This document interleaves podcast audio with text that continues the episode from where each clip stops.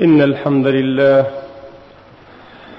نحمده ونستعينه ونستغفره ونعوذ بالله من شرور أنفسنا وسيئات أعمالنا من يهده الله فلا مضل له ومن يضلل فلا هادي له وأشهد أن لا إله إلا الله وحده لا شريك له وأشهد أن سيدنا وحبيبنا ونبينا محمدا عبده ورسوله.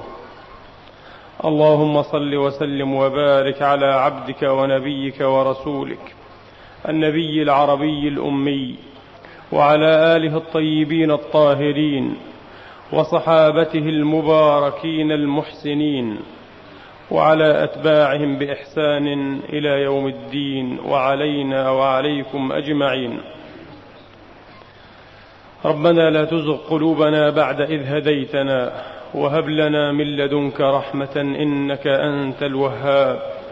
اللهم قنا شر نفوسنا وألهمنا رشدنا. عباد الله أوصيكم ونفسي الخاطئة بتقوى الله العظيم ولزوم طاعته. كما أحذركم وأحذر نفسي من عصيانه ومخالفة أمره.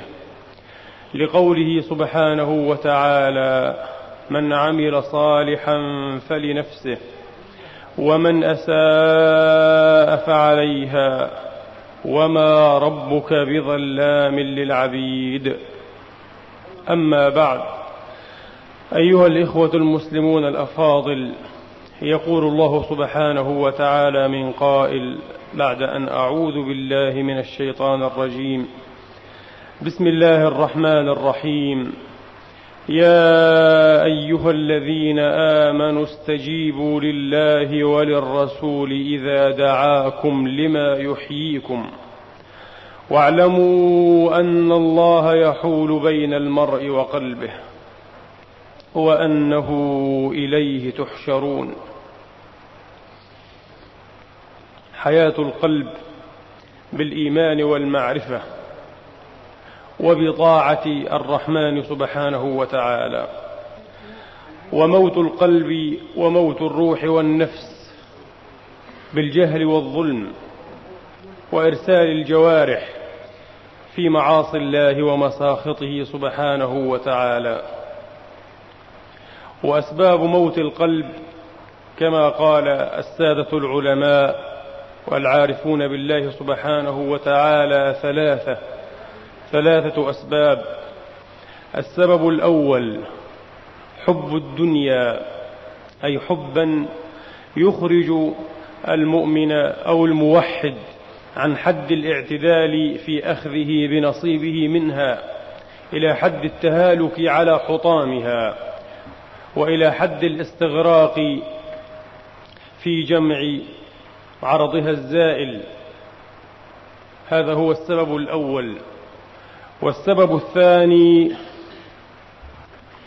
دوام الغفلة الغفلة عن ذكر الله سبحانه وتعالى.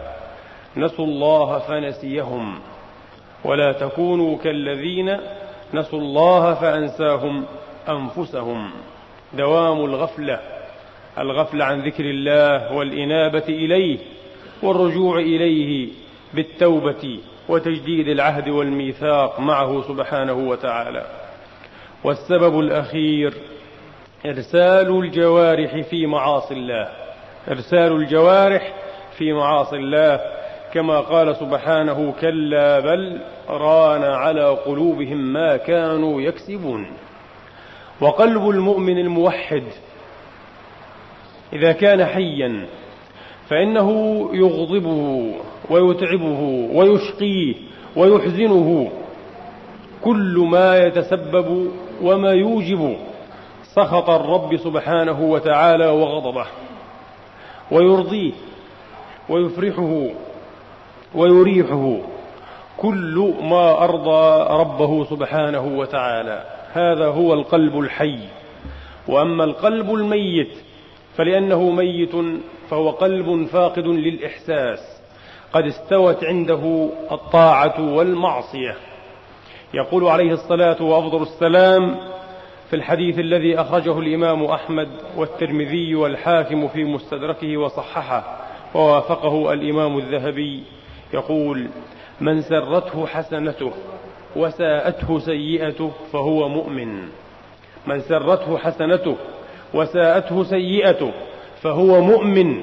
أما الذي يستوي عنده فعل الطاعات والموافقات وفعل المناكر والمخالفات والعياذ بالله فليعلم أنه صاحب قلب ميت. قد مات قلبه والعياذ بالله من بعد حياة. يقول الشيخ العارف بالله أبو الفضل أحمد بن عطاء الله السكندري رضي الله تعالى عنه وأرضاه في حكمه المشهورة التي نفع الله بها خلقا كثيرين لصدق صاحبها وقوة نفسه الإلهي في تضاعيفها ومطاويها. يقول من علامات موت القلب من علامات موت القلب. هناك علامات كثيرة لكن هذه أشهر العلائم. من علامات موت من علامات موت القلب عدم الحزن على ما فات من الموافقات أي من ضروب الطاعات التي يوافق بفعلها العبد أمر الله سبحانه وتعالى ومراده. أمر الله سبحانه وتعالى ومراده. عدم الحزن على ما فات من الموافقات وعدم الندم على ما فعلته من وجود الزلات وعدم الندم على ما فعلته من وجود الزلات. لا حزن هنا ولا ندم هنا.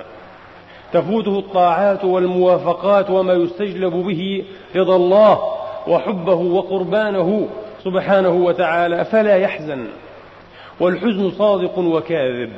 والله سبحانه كما في الخبر يحب كل قلب حزين يحب كل قلب حزين. وهو سبحانه أيضا كما في الخبر عند المنكسر قلوبهم لأجله عند المنكسرة قلوبهم لأجله. وقد كان نبيكم عليه الصلاة وأفضل السلام دائم الأحزان متواصل الأحزان. الحزن صادق وكاذب. أما الحزن الكاذب فهو الذي قال فيه الشيخ أيضا رضوان الله, رضوان الله تعالى عليه. قال إذا كان حزنك لفقدان الطاعات غير مصحوب بالانبعاث إلى فعلها فهو علامة الاغترار أنك مغرور بالله والعياذ بالله. الإنسان يدعي وربما شعر وأحس من نفسه أنه حزين على عدم فعله الطاعات وعلى فقده لطاعات الله سبحانه وتعالى أو لشيء منها هو يحزن لذلك يحزن من جراء ذلك إلا أنه لا يجد من نفسه انبعاثا إلى التدارك انبعاثا إلى تدارك هذه الطاعات والقربات فهذا علامة الاغترار العبد يكون مغرورا والعياذ بالله مغرور بالله سبحانه وتعالى. وأما الحزن الصادق الذي قيل فيه إن صاحبه يقطع في شهر ما يقطعه غيره في سنين فهو الذي ينبعث به العبد إلى تدارك ما فاته. إلى تدارك ما فاته. هو الحزن الصادق. هو حزن الصادقين. هو حزن الصادقين. أيها الإخوة الأحباب لكن ينبغي ألا يبلغ الندم وإشفاق المرء على نفسه من اجتراحه المخالفات صغائر أو كبيرات إلى درجة تقنطه من رحمة الله الرحيم لا إله إلا هو. أبدا. هذا ما ينبغي وهذا ضرب من الجهل بالله وبأسمائه وصفاته بصفات الجمال فيه سبحانه وتعالى من عفوه وكرمه وصفحه ومغفرته وتجاوزه وفضله وعطائه لا إله إلا هو. إذا قال الشيخ لا يعظم الذنب عندك عظمة. لا يعظم الذنب عندك عظمة. تصل بك إلى درجة اليأس من رحمة الله أو سوء الظن بالله. فإن من عرف ربه استصغر في جنب كرمه ذنبه. فإن من عرف ربه استصغر في جنب كرمه ذنبه. مهما عظم هذا الذنب. لكن شريطة ألا تكون معرفة المغترين بالله إنما معرفة التائبين إلى الله سبحانه وتعالى الآيبين الرجاعين إلى الله بصدق النية والعزيمة بصدق النية والعزيمة. ومن هنا قال أيضا وهو في الأثر المشهور قال لا صغيرة إذا قابلك عدله ولا كبيرة إذا واجهك فضله. إذا قابلك الله بعدله لا صغيرة الذنوب كلها كبائر والذنوب كلها موبقات توبق صاحبها في نار جهنم والعياذ بالله. وتجر وتجلب عليه السخط والمشقة والخذلان في الدنيا والآخرة والعياذ بالله سبحانه وتعالى. وأما إذا واجهك فضله والفضل هو ترك ما يستحقه هو ترك ما يستحقه. أما إذا واجهك فضله سبحانه وتعالى فلا كبيرة حتى الكبائر تغدو لا شيء إن شاء الله تعالى. قال العارف بالله يحيى ابن معاذ الرازي رحمة الله تعالى عليه رحمة واسعة قال إذا وضع سبحانه عدله على عباده لم تبق حسنة لمحسن لم تبق حسنة لمحسن وإذا أكرمهم سبحانه وتعالى بفضله لم تبق سيئة لمسيء أي من الموحدين أي من من الموحدين. وكيف ييأس الموحد؟ أو كيف يقنط من رحمة الله سبحانه وتعالى؟ وقد وسع كل شيء رحمة وعلما. وهو يسمع حديثه عليه الصلاة وأفضل السلام في الذي قتل مئة نفس. ثم لم يقنطه الله من رحمته. وقبل توبته وأكرمه بقبول اعتذاره إليه اعتذر إلى ربه وتاب إليه توبة نصوحا. والقصة معروفة في الصحيحين وكان مآله الغفران والتجاوز والصفح. وهذا من فضله وكرمه سبحانه وتعالى. وهذا من فضله وكرمه وجميل تجاوزه سبحانه وتعالى. اللهم إنا نسألك أن تغفر لنا جميع ما قدمنا وما أخرنا وما أسررنا وما أعلنا يا رب العالمين وأن تسمح لنا وعنا. اللهم آمين. وكيف يقنط من رحمة ربه سبحانه وتعالى؟ فإنه لا يقنط من رحمة ربه إلا القوم الكافرون.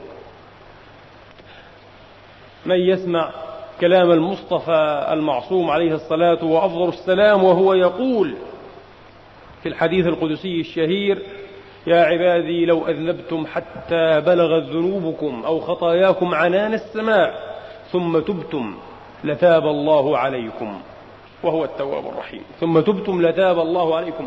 لو لم تذنبوا لذهب الله بكم ولجاء بقوم آخرين يذنبون فيستغفرون فيغفر الله لهم. كيف يظهر الله سبحانه وتعالى أسمائه وصفاته؟ كيف يظهر أسماءه وصفاته كيف يتعرف إلى عباده باسم ووصف الغفور الرحيم والكريم سبحانه وتعالى إذا لم يكن هناك ذنب. يقول أحد الصالحين كنت أدعو ربي وألح أدعو ربي سبحانه وألح أن يعصمني من الذنوب أن يعصمني من الذنوب. فبين أنا أدعو بهذا الدعاء ذات مكة وأنا أطوف بالبيت العتيق. إذا هاتف يهتف بي. كلكم يسألون العصمة فعلى من أتفضل وأعفو وأجود.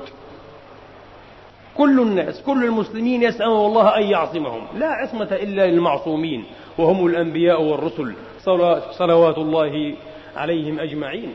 فعلى من أتفضل وأجود. لا بد.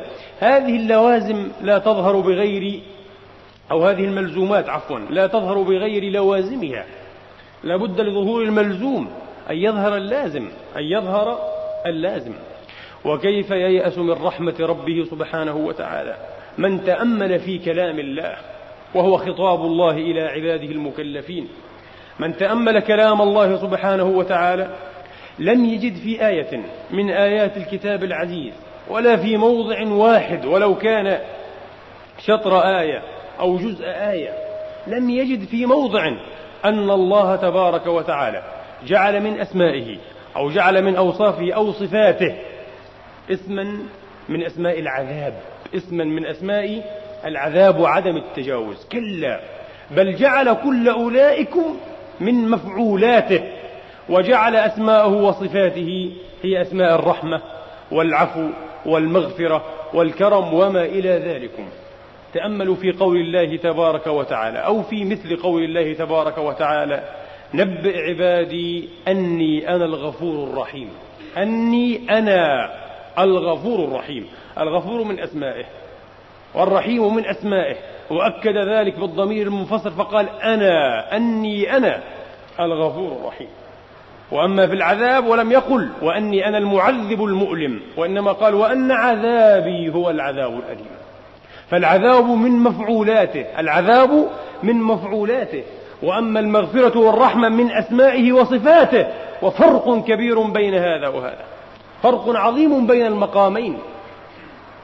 قال تبارك وتعالى أيضا في كتابه الجليل العزيز وفي نظمه الكريم اعلموا أن الله شديد العقاب. لم يقل اعلموا أن الله معاقب بشدة إنما قال شديد العقاب فهذا من مفعولاته.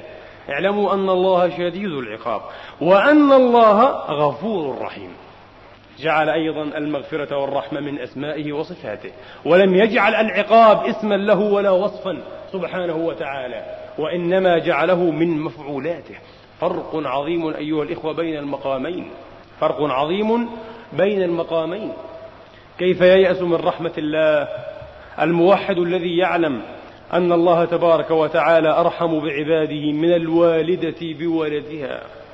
وهذا موضع الحكاية المشهورة التي حكاها أحد العارفين. روح الله روحه وقدس نفسه وسره. قال رضي الله تعالى عنه عرض لي انقطاع وإباق في طريق الله يوما. كأنه انحرف أو شذ قليلا. وطبعا كما تعلمون حسنات الأبرار سيئات المقربين. الذي يعده مثل هذا العارف شرودا وإباقا قد يكون من أرجى حسناتنا لدينا ومن أحسن أعمالنا في أنظارنا ومن أحسن أعمالنا في أنظارنا إلا أنه يعده شرودا وإباقا وهربا من مولاه سبحانه وتعالى معصية وكبيرة. قال عرض لي شرود وإباق ذات يوم عن طريق الله سبحانه وتعالى. فبين أنا أسير في طريق من طرق المدينة المدينة التي كان يقطنها إذا باب قد فتح وإذا صبي يصرخ ويستغيث وإذا بأمه تضربه وتطرده. حتى إذا صار خارج الدار أغلقت الباب خلفه فذهب الصبي غير بعيد ثم وقف متفكرا فلم يجد بدا من أن يعود إلى الدار إلى الدار التي فيها أمه وهو فلذة من كبدها وقطعة من روحها ونفسها وذوب فؤادها. فعاد إلى الباب فوجده مرتجا أي مغلقا مسدودا لا يفتح له. فجلس وتوسد التراب ووضع رأسه على عتبة الباب وظل هكذا والعارف بالله يرمقه. وهو يعلم هذا العارف أن هذه رسالة من الله رسالة مصورة رسالة مفعولة وكان أمر الله مفعولا. رسالة مفعولة تتبدى أمام ناظري يفهم هذه الرسالة ويحل مغالقها من فهمه الله تبارك وتعالى. لله سر تحت كل لطيفة فأخو البصائر لله سر تحت كل لطيفة فأخو البصائر غائص يتملق.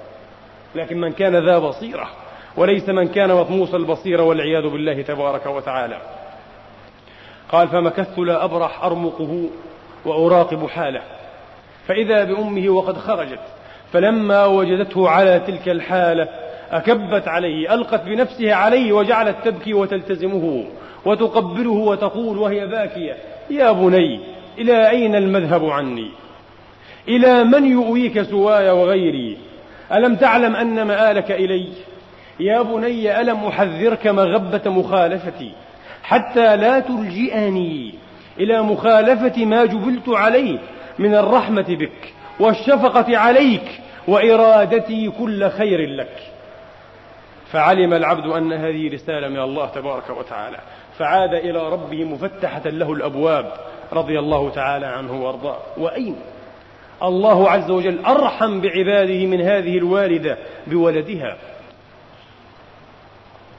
أرحم من كل شيء بأي شيء سبحانه وتعالى. وسع كل شيء رحمة وعلما. ذنوبي إن فكرت فيها كثيرة. ورحمة ربي من ذنوبي أوسع. هو الله مولاي الذي هو خالقي. وإني له عبد أذل وأخضع. وما طمعي. لصالح قد عملته ولكنني في رحمة الله أطمع. ولكنني في رحمة الله أطمع. لا لأجل عمل صالح قد قدمته وأنا أرجوه عند الله. لكن الطماعية في رحمة الله في فضل جوده وسعة عطائه سبحانه وتعالى. ولله در الإمام أبي عبد الله الشافعي إذ يقول في أبياته الشهيرة ولما قسى قلبي وضاقت مذاهبي جعلت الرجا مني لعفوك سلما. تعاظمني ذنبي فلما قرنته بعفوك ربي كان عفوك أعظما. فما زلت ذا فضل وجود ومنة تجود وتعفو منة وتكرما. تجود وتعفو منة وتكرما. أيها الإخوة الأحباب ينبغي أن يكون المؤمن البصير أمام الذنب والخطيئة وكلنا خطاء. وأي الرجال المهذب ما منا أحد إلا وتتوالى خطاياه وخطيئاته. ونسأل الله السلامة والتسديد والعون والتوفيق. ونعوذ بالله من الخذلان. ينبغي أن يكون المؤمن البصير في مشهد الخطيئة على مواقف. الموقف الأول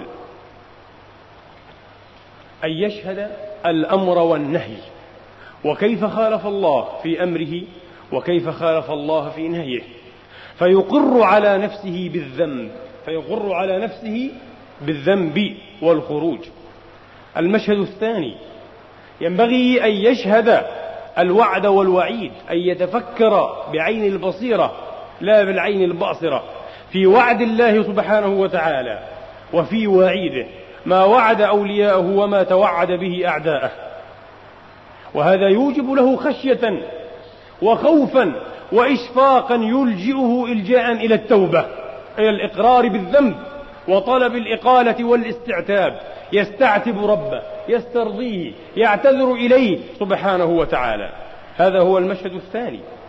والمشهد الثالث ينبغي أن يتفكر العبد مليا وبعيدا وعميقا في كيف أن الله سبحانه وتعالى خلى بينه وبين هذا الذنب. ولو شاء لمنعه منه. ولو شاء لعصمه سبحانه وتعالى من هذا الذنب. لكنه خلى بين عبده المؤمن وبين هذا الذنب. لله حكم وأسرار بلا ريب في هذا المشهد في هذا الموقف. وذلك لكي يرى العبد شيئا طرفا ضئيلا طرفا من سعة حلم الله سبحانه وتعالى وإمهاله. فإنه تركك وخلى بينك وبين هذا الذنب إلا أنه أمهلك ولم يعاجلك بالعقوبة. ولو شاء سبحانه وتعالى لعاجلك. فهنا تشهد مشهد الحلم. تتعبد الله بعبودية اسمه الحليم سبحانه وتعالى. وما كان لك أن تعرف حقيقة حلمه دون أن تقع في هذا الذنب لترى وتذوق شيئا من طرف حلمه عليك سبحانه وتعالى. وكما قلت الملزومات لا تظهر بغير لوازمها. الملزومات لا تظهر بغير لوازمها. كيف يعرف حلمه؟ كيف أعرف حلمه علي وفي نفسي؟ سبحانه وتعالى دون أن يوجد مني ما يقتضي حلمه وهو الذنب والخطيئة. ما يقتضي حلمه. أن أشهد أيضا جميل ستره سبحانه وتعالى علي إذ بارزته بالذنب وجاهرته بالمخالفة وأنا العبد الضعيف الحقير. الذي لا صبر لي ولا قوة بي على مبارزته ولا مقارعته لا إله إلا هو. لكنه كمل النعمة وأتم المنة بعد حلمه وستر علي سبحانه وتعالى. فلا ينبغي أيضا أن أنتقل من الواجب من واجب شكر هذه النعمة إلى غرور التحدث بالإصطفاء أو بالخلاص أو بالتطهر. وأنا العبد المتكدر بذنبه. لا ينبغي بل ينبغي أن أنظر إلى نفسي نظرة الاحتقار ونظرة الإزراء وينبغي أن أقيم في نفسي معاذير الخلق أعني الخلق الموحدين معاذير الخلق في مشاهد المخالفات الشرعية. لا أشأم على العبد من الشماتة بإخوانه أو بالمسلمين. كل ذنب كل ذنب رأيته من أخيك. من أخيك الموحد المؤمن. وواجهته بالشماتة فأنت صائر إليه. فأنت صائر إليه. بذا قضى الشارع عليه الصلاة وأفضل السلام. لا تظهر الشماتة بأخيك فيعافيه الله ويبتليك. لا تظهر الشماتة بأخيك فيعافيه الله ويبتليك. ينبغي دائما لأنك أنت خطاء ولأنك أنت متقذر ومتكدر أن تعود وتتذكر وتشهد من نفسك الأخطاء والمخالفات الشرعية وهي كثيرة كثيرة. لا أن تظهر الشماتة بإخوانك المسلمين. فضلا عن أن تتطلب العيب للبراء فضلا عن أن ترميهم بما ليس فيهم. والله من ورائهم محيط وعند الله تلتقي الخصوم. إلى ديان يوم الدين نمضي وعند الله تجتمع الخصوم. وعند الله تجتمع الخصوم. ولا تغترن بمدح من مدحك ولا بشكر من شكرك ولا بكرامة من أكرمك لأنه لا يدري منك ما تدري أنت من نفسك. قال الشيخ رحمة الله تعالى عليه من مدحك وأكرمك فإنما مدح فيك جميل ستره سبحانه فالحمد لمن سترك ليس الحمد لمن أكرمك وشكرك. الحمد لمن سترك ليس الحمد لمن أكرمك وشكرك. لله الحمد في الأولى والآخرة. لا إله إلا هو ولا حول ولا قوة إلا به. فهذا هو المشهد. وفي ضمن هذا الموقف أو المشهد مشاهد كثيرة جدا يضيق عنها نطاق البيان. يضيق عنها نطاق البيان. من ذلكم أيضا أن ترى مشهد العفو والتجاوز. حين يقبل الله سبحانه وتعالى منك الاعتذار. ولا يرد عليك التوبة بل هو الذي ييسر لك هذه التوبة لكي يتوب عليك فتوبة المؤمن بين توبتين لله كما قال العارفون بالله ثم تاب عليهم ليتوبوا. ثم تاب عليهم ليتوبوا. توبة المؤمن إذا قبلت بين توبتين من الله عليه توبة يستأنف بها العبد توبة وتوبة يتقبل الله بها هذه التوبة المستأنفة من عبده. الفضل له في الأولى والآخرة. الفضل له سبحانه وتعالى في كل أمر في مبتدئه وفي منتهاه لا إله إلا هو. فهذا مشهد أيضا من مشاهد كثيرة من مشاهد كثيرة. وأما رابعا فأن تعود إلى محل الإثم والمعصية ومعدنه التي هي النفس. مأوى كل خبيث ومنبع كل رديء. فتعلم ظلمها وجهلها فتعلم ظلمها وجهلها وأن ما بها من خير فيما مضى أو فيما هو حاضر أو فيما يستأنف ويستقبل من الزمان فبفضل الله وجوده المحض لا إله إلا هو. قال سبحانه وتعالى ولكن الله حبب إليكم الإيمان وزينه في قلوبكم وكره إليكم الكفر والفسوق والعصيان. أولئك هم الراشدون فضلا من الله ونعمة. فضلا من الله. هذا بمحض التفضل. لا بالشطارة ولا بالمهارة ولا بالعلم ولا بالكياسة ولا بالاجتهاد. بالفضل الإلهي الواسع لا إله إلا هو. فضلا من الله. كما قال جل من قائل ولولا فضل الله عليكم ورحمته ما زكى منكم من أحد أبدا. ولكن الله يزكي من يشاء. تشهد هذا المشهد وتعلم حقيقة هذه النفس التي من عرفها فقد عرف ربه من عرف نفسه فقد عرف ربه. النفس كما قال الإمام ابن الجوزية رحمة الله تعالى عليه فيها مضاهاة للعبودية فيها مضاهاة للعبودية. يقول الشيخ ابن الجوزية ولو قدرت لقالت مقال فرعون. أي والعياذ بالله أنا ربكم الأعلى. لكن فرعون قدر فصرح. وهذه النفوس لا تقدر فتضمر الإلهية. وهذا نلاحظه من أنفسنا. الإنسان لا يتواضع عموما إلا لمن هو فوقه أو لمن هو أقوى منه أو لمن هو أفضل منه. لكنه حين يكون بإزاء من هو أضعف وأقل منه فإنه يظهر الجبروت والاستعلاء ولو بالنظرة. ولو بمجرد النظرة ولو في طريقة الكلام. فضلا عن الفعال والسطوات فضلا عن الفعال والسطوات النفس فيها مضاهاة للربوبية فيها تجبر فيها حب التسلط والاستبداد بالخلق وإظهار المزية والتخصيص وإظهار المزية والتخصيص عليهم. وإنما يقمع هذه المضاهاة ذل العبودية. وإنما يقمع هذه المضاهاة ذل العبودية. والذل أيها الإخوة الأحباب على مراتب أربع أربع مراتب. الذل. مجموع هذه المراتب هو حقيقة ما يسميه العارفون بالله الفقر. أن تكون عبدا فقيرا إلى الله الفقر الحقيقي وهو شرف المؤمن وهو عنوان العارف بالله الفقر. بالإصطلاح ليس فقر اليد ليس قلة المال وإنما الفقر الإصطلاحي عند العارفين بالله سبحانه وتعالى. وهذا الذل على أربع مراتب. الذل الأول مشترك بين العباد جميعا. بصفتهم مخلوقين لله وهو ذل الفاقة والحاجة. ما من أحد من عباد الله إلا وهو محتاج بعد الإيجاد إلى الإمداد. إلى الإمداد الدائم. لو توقف مدد الله لحظة لغرق الإنسان في الفناء والعدم.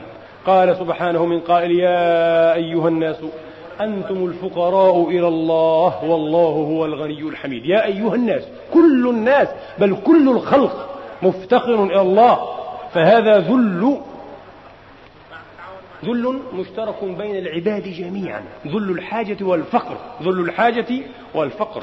هناك ذل ثان وهو ذل العبودية الاختيارية التي يختارها الله سبحانه وتعالى ويوفق إليها عباده الموحدين الطائعين.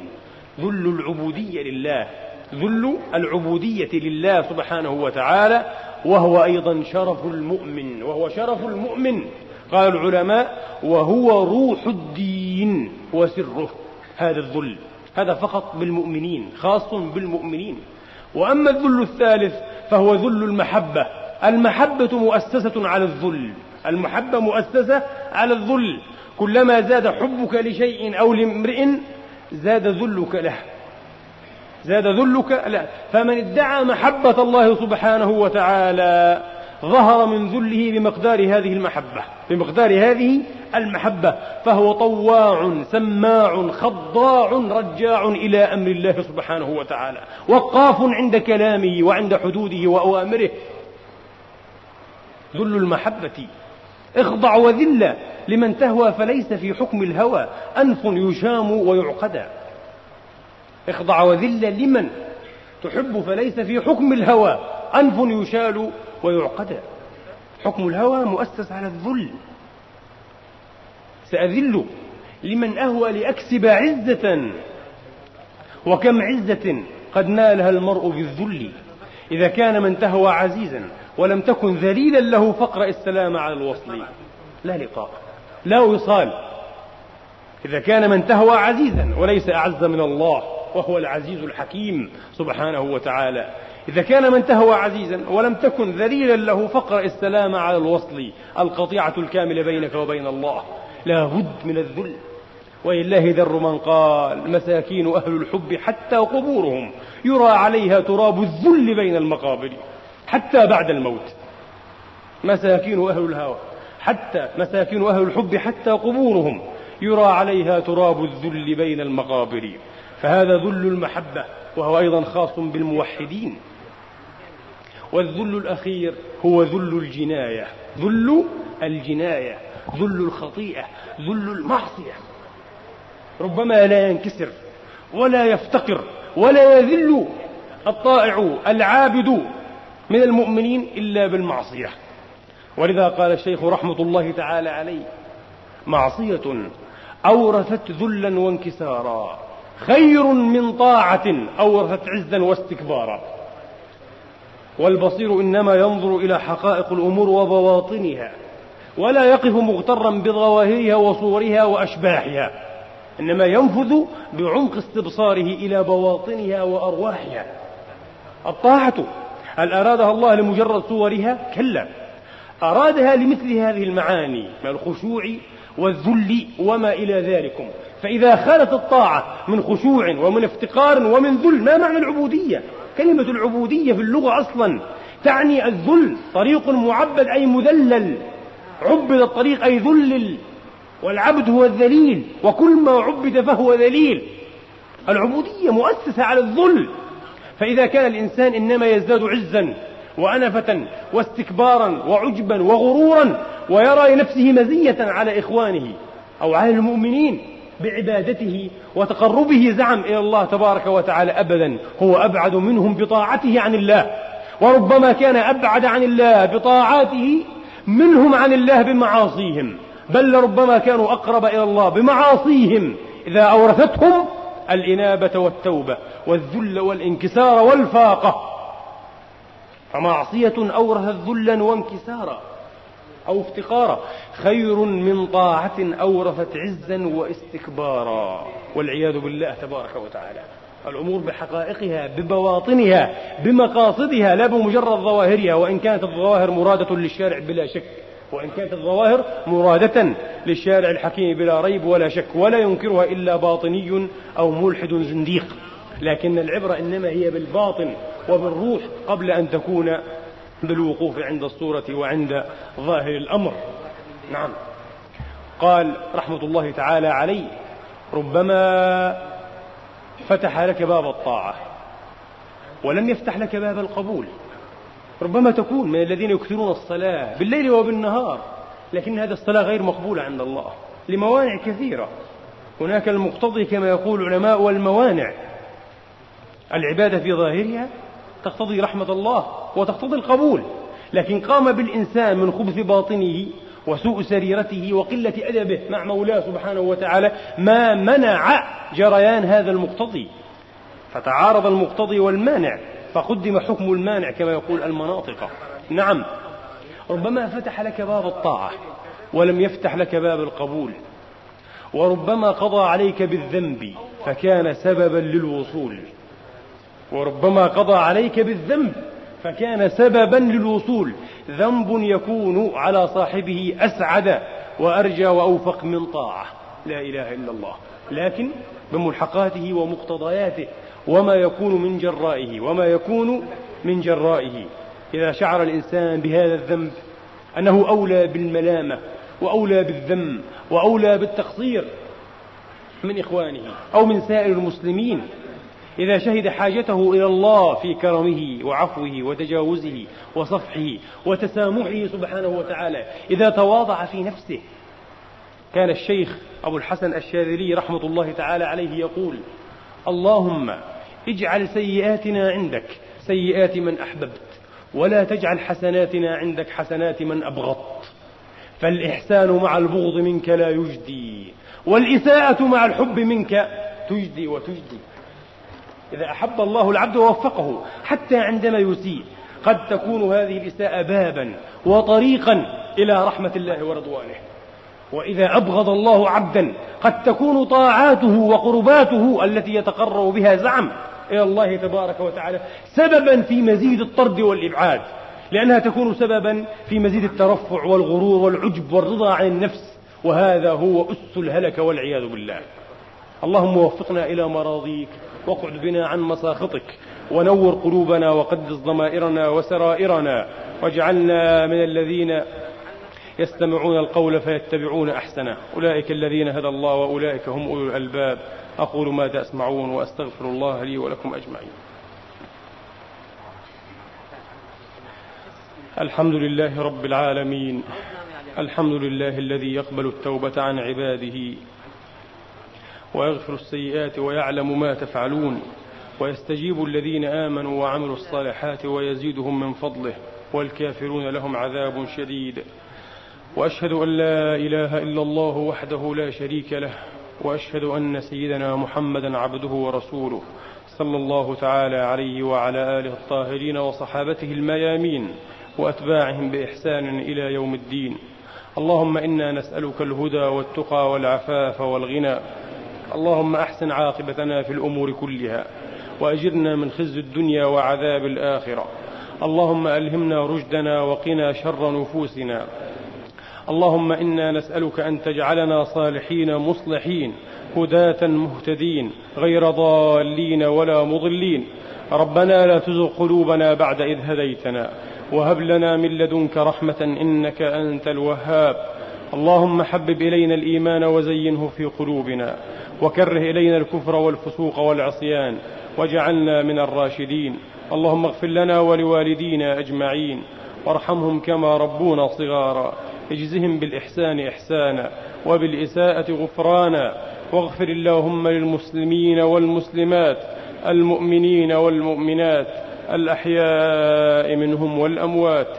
بفضلك ورحمتك إنك سميع قريب مجيب الدعوات.